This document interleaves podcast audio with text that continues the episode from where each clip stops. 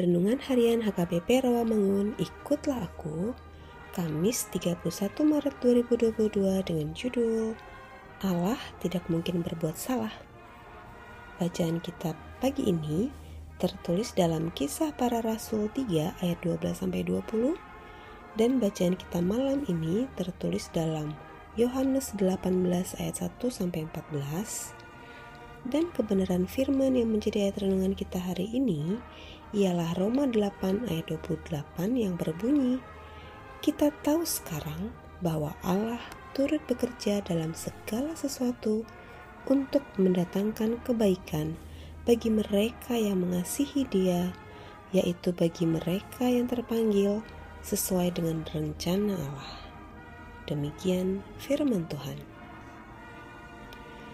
Beragam peristiwa terjadi dalam perjalanan hidup ini sering sekali sulit untuk dimengerti.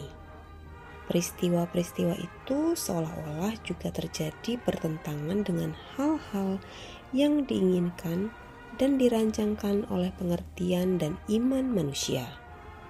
Sakit, kematian, kecelakaan, kemalangan, atau yang lain Di sinilah kelihatan iman Kristen yang dewasa teruji dari sikap menghadapi peristiwa-peristiwa tersebut. Bagi orang yang kurang beriman, peristiwa yang sukar itu menghilangkan iman dan harapannya, sementara bagi orang yang beriman, peristiwa seperti itu justru memperkuat harapan yang baru. Bagi orang beriman, tidak satu peristiwa pun terjadi begitu saja dan terlepas dari penglihatan Allah. Bahkan peristiwa yang sukar dan dosa sekalipun. Bahkan dalam perjalanan hidup itu, peristiwa sukar dan kesulitan itu bisa saja terjadi dengan campur tangan Allah, bukan hanya karena perbuatan iblis atau si jahat.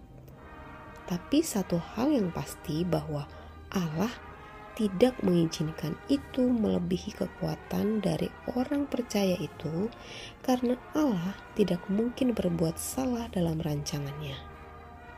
Tidak mungkin Allah dengan sengaja mengizinkan ujian terjadi untuk membinasakan orang yang dikasihinya, dan tidak mungkin Allah mengizinkan sesuatu terjadi tanpa alasan dan tujuan yang sudah Allah pertimbangkan.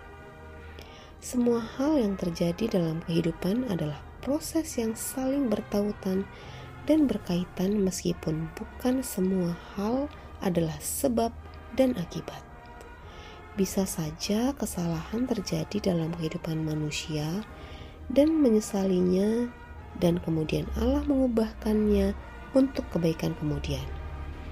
Itulah sebabnya Allah itu disebut Maha Kasih apakah kita juga mengasihinya?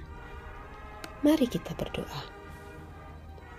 Ya Tuhan, ajarkan kami untuk mengasihi Engkau sepenuh hati kami.